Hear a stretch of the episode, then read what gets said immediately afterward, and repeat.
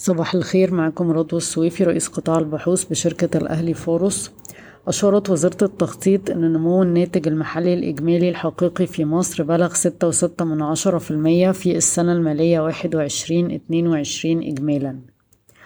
يتوقع السوق الإفراج عن كميات كبيرة من السلع الاستراتيجية المستوردة من المواني المصرية بما في ذلك الأعلاف الذرة وفول الصويا لزيادة المعروض في السوق والحد من الزيادات المتتالية في الأسعار. من المقرر أن تصل شحنة قمح روسي لمصر 42 ألف طن لميناء الإسكندرية اليوم. رفعت وزارة التموين أسعار الزيت المباع بالبطاقات التموينية في منافذ الوزارة لخمسة وعشرين جنيه من تلاتة وعشرين جنيه للتمنمية ملي أعلنت شركة القلعة نتائج الأعمال للربع الثاني من عام عشرين اتنين وعشرين وأخيرا تحولت إلى الربحية تلتمية اتنين وستين مليون جنيه مقارنة بخسائر ربعمية واحد مليون جنيه في الربع الثاني من عام واحد وعشرين.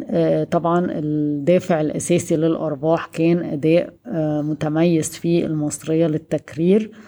اللي برضو بدأت إن هي تحقق نتائج وبدأت الهوامش عندها تتحسن. هوامش التكرير تقريبا كانت خمسة وأربعة من عشرة مليون دولار يوميا مقارنة باتنين وسبعة من عشرة مليون دولار يوميا.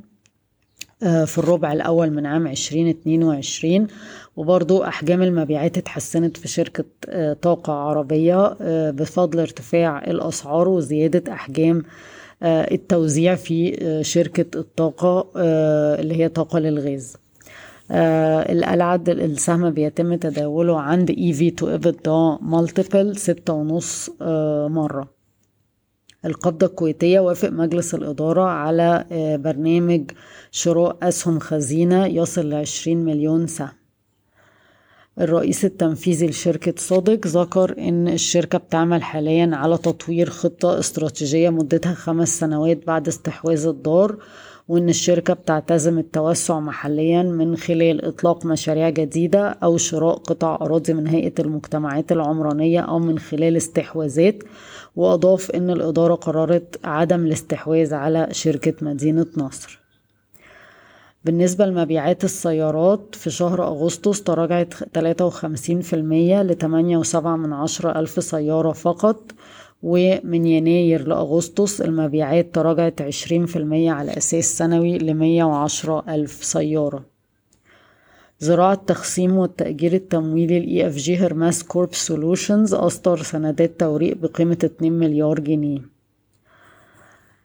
الشركة الشرقية للدخان وافق مجلس الإدارة على توزيع جنيه وستين قرش يعني بنسبة توزيع تسعين في المية تقريبا من الأرباح وعائد توزيعي خمستاشر ونص في المية.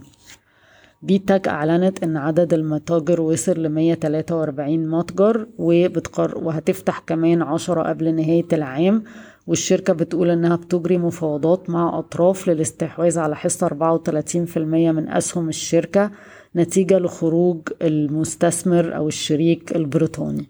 أشكركم ويوم سعيد.